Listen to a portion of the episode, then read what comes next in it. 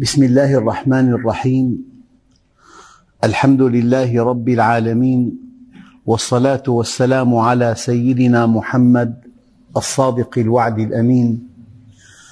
اللهم أخرجنا من ظلمات الجهل والوهم إلى أنوار المعرفة والعلم ومن وحول الشهوات إلى جنات القربات. لا زلنا مع الاسم العظيم من أسماء الله الحسنى المولى أي أن الله سبحانه وتعالى يتولى عباده المؤمنين يتولاهم بالرعاية يتولاهم بالتربية يتولاهم بالمعالجة. الله ولي الذين آمنوا يخرجهم من الظلمات إلى النور. والذين كفروا لا مولى لهم. ذلك بأن الله مولى الذين آمنوا والذين كفروا لا مولى لهم. لذلك أيها الإخوة فرق العلماء بين معية الله العامة ومعيته الخاصة. فإذا قال الله عز وجل وهو معكم أينما كنتم أي معكم بعلمه مع كل مخلوق مع المؤمن ومع الكافر معهم بعلمه. أما إذا قال الله عز وجل إن الله مع المؤمنين. هذه المعية الخاصة أي هو معهم بالتأييد والنصر والحفظ والتوفيق. وإذا كان الله معك فمن عليك وإذا كان عليك فمن معك. ويا رب ماذا فقد من وجدك وماذا وجد من فقدك؟ الحديث النبوي الشريف الذي يبين هذه المعية ويبين هذه الرعاية. وهذا الحفظ هو قول النبي صلى الله عليه وسلم فيما أخرجه الإمام البخاري عن أبي هريرة رضي الله عنه أن الله سبحانه وتعالى يقول من عاد لي وليا فقد آذنته بالحرب. ولم ترد كلمة الحرب إلا في موضعين. في موضع في القرآن الكريم وموضع في الحديث الشريف. الموضع الأول فإن لم تنتهوا فأذنوا بحرب من الله ورسوله في موضوع الربا. وما من معصية توعد الله مرتكبها بالحرب إلا الربا. وفي الحديث الشريف الصحيح من عاد لي وليا فقد آذنته بالحرب. يعني قبل أن تقف في خندق معاد للحق هل تعلم من هو الطرف الآخر؟ والإنسان بالحياة المدنية قبل أن تتطاول على إنسان يمثل الحكومة هل تعلم من هو الطرف الآخر؟ في حياتنا اليومية فإذا تطاول الإنسان على دين الله وعلى شرع الله ووصل إلى الأشياء التي هي مقدسة في حياة المسلمين. فلينتظر الحرب من الله عز وجل. من عاد لي وليا فقد آذنته بالحرب. من هو الولي؟ المفهوم القرآني للولي ألا إن أولياء الله لا خوف عليهم ولا هم يحزنون؟ الذين آمنوا وكانوا يتقون. يعني أي مؤمن يجب أن يكون وليا لله؟ تعريف الولي في القرآن الكريم الذين آمنوا وكانوا يتقون. يعني لو ضغط الدين كله في كلمتين لكانت الكلمة الأولى أنك آمنت بالله والكلمة الثانية أنك تتقي أن تعصيه. لذلك يمكن أن تضغط رسالات الأنبياء كلها في كلمتين. وما أرسلنا من رسول إلا نوحي إليه أنه لا إله إلا أنا فاعبدون. لذلك قال العلماء نهاية العلم التوحيد ونهاية العمل التقوى. فأنت إذا وحدت الله واتقيت أن تعصيه فقد حققت الهدف من وجودك وقد وضعت يدك على حقيقة الدين. هذا الراعي الذي امتحنه سيدنا عبد الله بن عمر قال له بعني هذه الشاة وخذ ثمنها. قال ليست لي. قال قل لصاحبها ماتت. قال والله إنني لفي أشد الحاجة إلى ثمنها. ولو قلت لصاحبها ماتت أو أكلها الذئب لصدقني فإني عنده صادق أمين ولكن أين الله؟ هذا الراعي وضع يده على جوهر الدين. ولكن أين الله؟ وفي أية لحظة تقول أين الله؟ فقد وضعت يدك أيها الأخ الكريم على حقيقة الدين. لذلك يمكن أن يضغط الدين كله في كلمة واحدة وهي الاستقامة. وما لم نستقم على أمر الله لن نقطف من ثمار الدين شيئا. لذلك الحديث الشريف الذي جاء على صيغة حديث قدسي إن الله تعالى يقول من عاد لي وليا فقد آذنته بالحرب. وهنيئا لمن وقف مع الحق والويل لمن وقف في خندق معاد للحق. فالولي الذي آمن بالله واتقى أن يعصيه. نهاية العلم التوحيد ونهاية العمل التقوى. أنت إذا وحدت الله وعبدته حققت الهدف من وجودك. لذلك قال تعالى ما يفعل الله بعذابكم إن شكرتم وآمنتم. الآن لا معنى لأن تعرف الله من دون أن تتقرب إليه. فمن كان يرجو لقاء ربه فليعمل عملا صالحا. الآية قل إنما أنا بشر مثلكم يوحى إلي. الآن كأن الله سبحانه وتعالى أراد أن يلخص القرآن كله في كلمة, في كلمة واحدة. قل إنما أنا بشر مثلكم يوحى إلي. نقطتين. ماذا يوحى إلي؟ أنما إلهكم إله واحد. فمن كان يرجو لقاء ربه فليعمل عملا صالحا. إذا لو أنك قلت إن الشمس ساطعة يا لها من شمس ساطعة. وأنت في أمس الحاجة إلى ضوء الشمس ولم تتعرض لأشعة الشمس. إنسان يعاني من مرض جلدي وعلاجه الوحيد التعرض لأشعة الشمس. فمهما تحدث عن أشعة الشمس مهما أثنى على أشعة الشمس مهما بين آه، فائدة أشعة الشمس وهو قابع في غرفة مظلمة هذا الكلام لا قيمة له إطلاقا ما لم يتحرك نحو أشعة الشمس. الإيمان من دون عمل لا قيمة له إطلاقا بل هذا الإيمان قد يوصف أحيانا بأنه إيمان من نوع إيمان إبليس حينما قال ربي فبعزتك لأغوينهم أجمعين. يعني هذا إبليس قال ربي آمن به ربا وآمن به عزيزا وقال خلقتني من نار آمن به خالقا وقال أنظرني إلى يوم يبعثون. لذلك ترداد كلمات الإيمان من دون عمل لا قيمة لها إطلاقا. فمن كان يرجو لقاء ربه فليعمل عملا صالحا ولا يشرك بعبادة ربه أحدا. وقد بينت من قبل أن الإنسان إذا استقام على أمر الله يسلم أما إذا عمل الصالحات يسعد. وفرق كبير بين السلامة والسعادة مع أن كل إنسان على وجه الأرض يتمنى السلامة والسعادة. لذلك الحديث القدسي الشريف وما تقرب إلي عبدي بشيء أحب إلي مما افترضته عليه. الفرائض أولا أداء الفرائض مقدم على أي شيء. أعظم قربة إلى الله أن تؤدي الفرائض. وما تقرب إلي عبدي بشيء أحب إلي مما افترضته عليه أيها الإخوة الإنسان حينما يقول فريضة ما معنى فريضة؟ أي أن سعادتك تتوقف عليها للتقريب كيف نقول إن استنشاق الهواء فريضة؟ لأن استمرار حياة الإنسان متوقفة على استنشاق الهواء.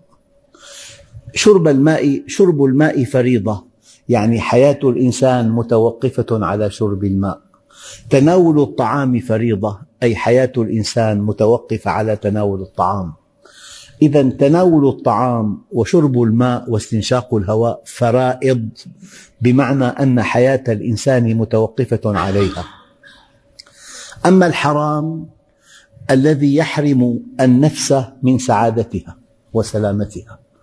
فأنت حينما تفهم أوامر الدين أنها ضمان لسلامتك وليست حدا لحريتك تكون فقيها. أنت إذا رأيت إلى لوحة كتب عليها ممنوع التجاوز حقل الألغام أنت لا تشعر أن واضع هذه اللوحة أراد أن يقيد حريتك بل تعلم علم اليقين أنه أراد أن يضمن لك سلامتك. لذلك في اللحظة التي تفهم أوامر الدين أنها ضمان لسلامتك وسعادتك تكون فقيها. وحينما تفهم أوامر الدين أنها قيد لحريتك تكون بعيدا عن فهم الدين الصحيح. فلذلك وما يزال عبدي يتقرب إلي بالنوافل. أول مراتب القرب من الله أداء الفرائض. أول مراتب القرب من الله أداء الفرائض. والفريضة ما تتوقف عليها سعادتك وسلامتك. يعني في عنا أشياء بالدين حدية في عنا أشياء بالدين نسبية. يعني ترك المحرمات حدي ما في تفاوت ما في تفاضل. في عنا باللغة العربية أفعال لا تقبل التفاوت. كفعل مات. ما في فلان أموت من فلان. الموت حدي له حالة واحدة. من لم يمت بالسيف مات بغيره. تنوعت الأسباب والموت واحد. ففي أفعال لا تقبل التفاوت. حدية. وفي أفعال تقبل التفاوت. أنا أكثر منك مالا. المال نسبي. يزيد وينقص. بالاستقامة ما في تفاوت. الاستقامة حدية. فالذي نهانا عنه النبي صلى الله عليه وسلم يجب أن ننتهي عنه كلية. يعني تقريبا كمستودع الوقود السائل. له صفة سلبية وصفة إيجابية.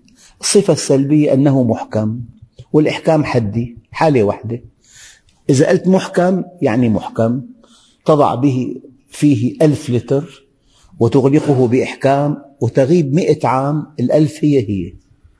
لأنه محكم. إن لم يكن محكما فعدم الإحكام نسبي. قد تقل الكمية بعد شهر أو بعد أسبوع أو بعد سنة أو بعد ساعة. فعدم الإحكام نسبي أما الإحكام حدي. الاستقامة حدية لا تقبل التفاوت. لذلك إن الله أمر المؤمنين بما أمر به المرسلين. يعني أقل ممرض في المستشفى مع أعلى طبيب في المستشفى تعقيم الإبرة واحد التعقيم واحد. أما العلم متفاوت الفرق كبير جدا بين الممرض والطبيب. أما من حيث تعقيم الإبرة لو أراد طبيب متفوق جدا أن يعطي إنسان حقنة لا بد من تعقيمها.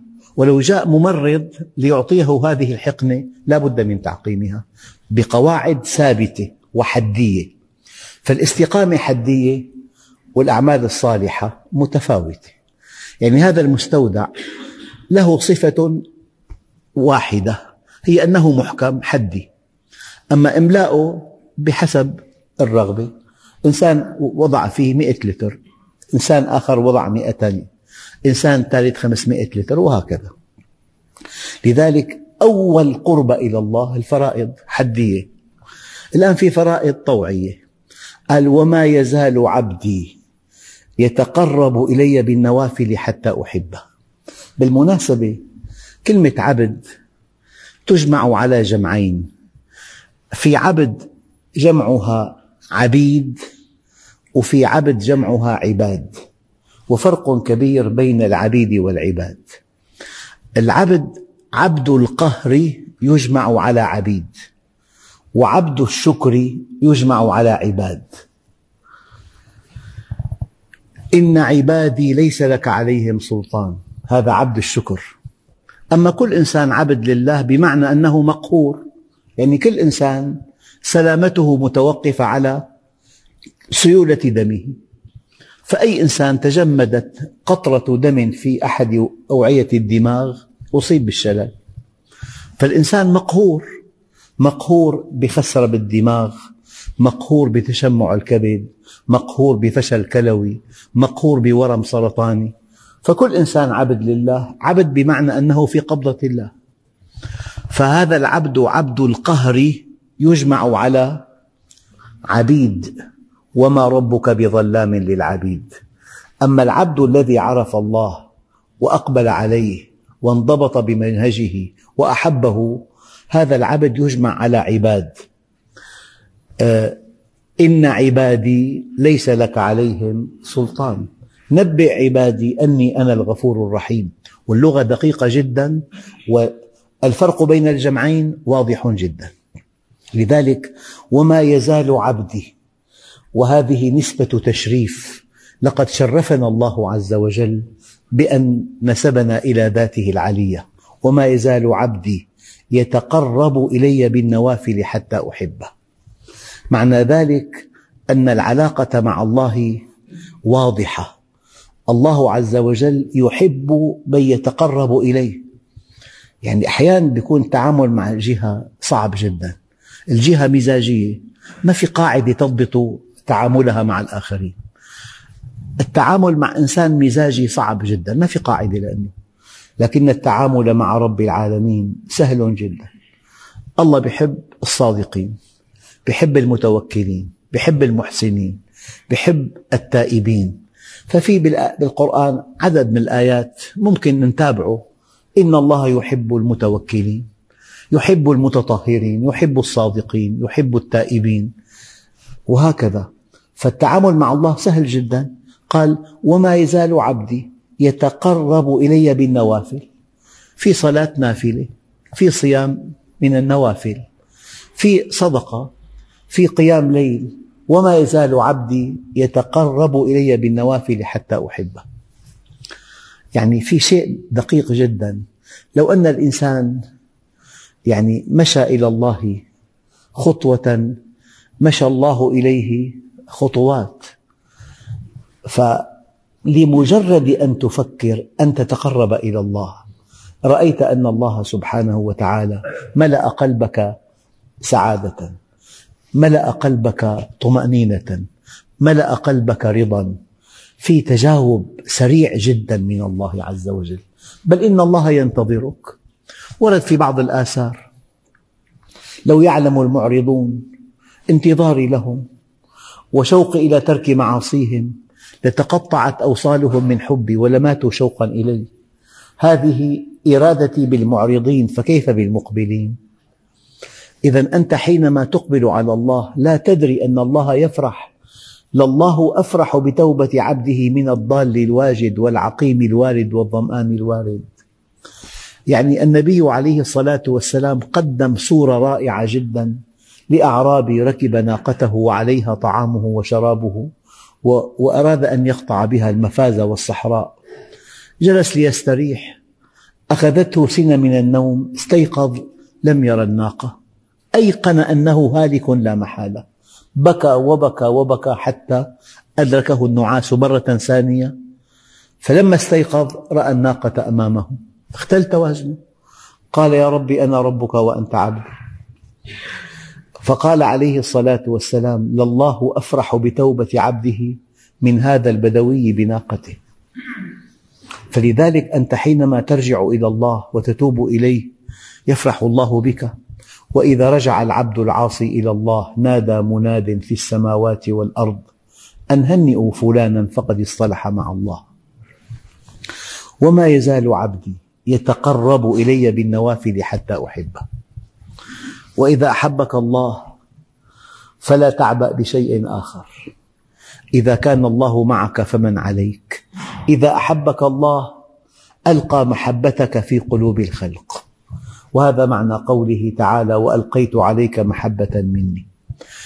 لذلك إذا أحبك الله يخدمك أعداؤك. وإذا تخلى الله عنك يتطاول عليك أحبابك. وما يزال عبدي يتقرب إلي بالنوافل حتى أحبه.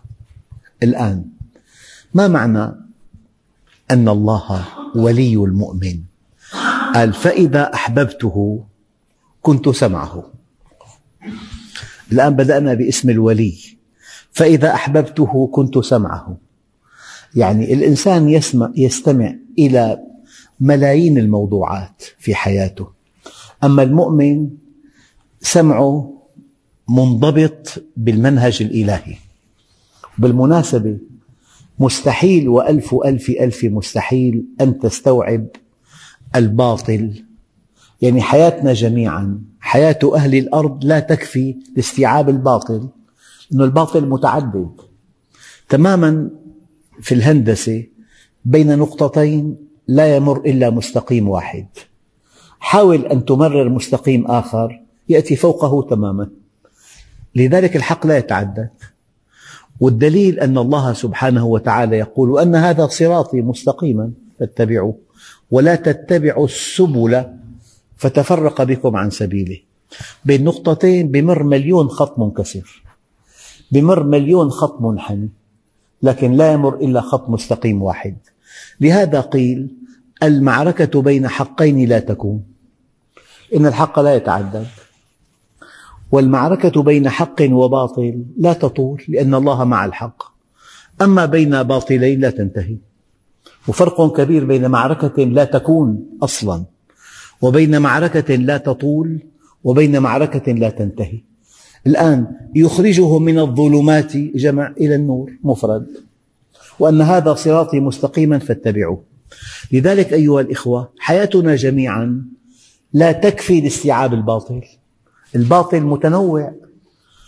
ممكن أن تمضي عشر سنوات أو عشرين سنة بدراسة فئة ضالة والفئات الضالة تنتظمها قواعد تأليه الأشخاص تخفيف التكاليف اعتماد نصوص موضوعة نزعة عدوانية فالباطل لا تكفي حياتنا لاستيعابه. لكن الحق واحد. من السهل جدا أن تستوعب الحق. في عمر معتدل واستيعاب الحق صار ميزان. كل شيء خلاف الحق باطل. لذلك الطريق سالك وممكن أن تستوعب الحق. إذا فإذا أحببته كنت سمعه. الإنسان يستمع إلى ملايين المقولات. بفلترة. يعني استوعب الحق. هذه الفكرة خلاف القرآن. هذه الفكرة خلاف الحديث الصحيح. هذه الفكرة خلاف المنهج. هذه الفكرة خلاف ما في آه، كتاب الله عز وجل. فالأصل أن كتاب الله هو الأصل هو الذي لا يأتيه الباطل من بين يديه ولا من خلفه. إذا كنت سمعه الذي يسمع به في كلمات ما لا معنى؟ في كلمات فيها تناقض مع القرآن الكريم. لذلك قال تعالى آه، يوم لا ينفع مال ولا بنون إلا من أتى الله بقلب سليم. ما القلب السليم؟ قال القلب الذي لا يشتهي شهوة لا ترضي الله ولا يصدق خبرا يتناقض مع وحي الله. ولا يصدق خبرا يتناقض مع وحي الله. هذا من صفات القلب السليم. إذا السمع مضبوط بمنهج الله عز وجل. يعني الإنسان يرد مليون مقولة بل ويركلها بقدمه. إن خالفت منهج الله عز وجل. في عنده حق عنده ميزان عنده مقياس. قال وبصره الذي يبصر به. لو إنسان نظر إلى بناء يأخذ بالألباب لكن صاحبه تاجر مخدرات جمعه من مال حرام. يرى إلى لا يحترم صاحب هذا البناء يحتقره لأنه في عنده ميزان. لذلك المؤمن منضبط. سمعه منضبط وبصره منضبط. الأشياء لها صورة ولها حقيقة. يمكن يحترم إنسان دخله محدود جدا من حلال ويحتقر إنسان بنى مجده على أنقاض الناس أو على آه، حياة الناس أو على أمن الناس أو على خوف الناس. فالآن تقييمه للأشياء مبني على نور ألقاه الله في قلبه. يقيم الأشياء بميزان دقيق بمنظومة قيم رائعة جدا. إذا كنت سمعه الذي يسمع به وبصره الذي يبصر به ويده التي يبطش بها. يعني ما بيتحرك حركة إلا وفق منهج الله. إن أعطى لله إن منع لله إن رضي لله إن غضب لله إن وصل لله إن قطع لله وهكذا. ورجله التي يمشي بها لا تقوده رجله إلا إلى عمل صالح. لأمر بالمعروف لنهي عن المنكر لارتياد بيوت الله لإصلاح بين شخصين. حركته كلها في سبيل الله. وإن سألني لأعطينه. أصبح مستجاب الدعوة. الله ولي الذين آمنوا. هذا معنى الولي. ولئن استعاذني لأعيذنه. إنسان التجأ إلى الله عز وجل الله بيلبيه فورا. أصبح مستجاب الدعوة. وما ترددت عن شيء أنا فاعله. ترددي عن نفس المؤمن يكره الموت وأنا أكره مساءته. يعني أنا قرأت تاريخ سبعين صحابي من الصحابة الأجلاء. ما منهم واحد إلا كان ساعة الموت في أسعد لحظات حياته قيل ادخل الجنة قال يا ليت قومي يعلمون. ما معنى أن الله ولي المؤمن؟ أن هذا المؤمن تحت رعاية الله وحفظه وتأييده ونصره يتولاه بالرعاية يتولاه بالحفظ يتولاه بالتأييد يتولاه بالمعالجة فلذلك من أقرب أسماء الله الحسنى إلى المؤمن اسم الولي والحمد لله رب العالمين.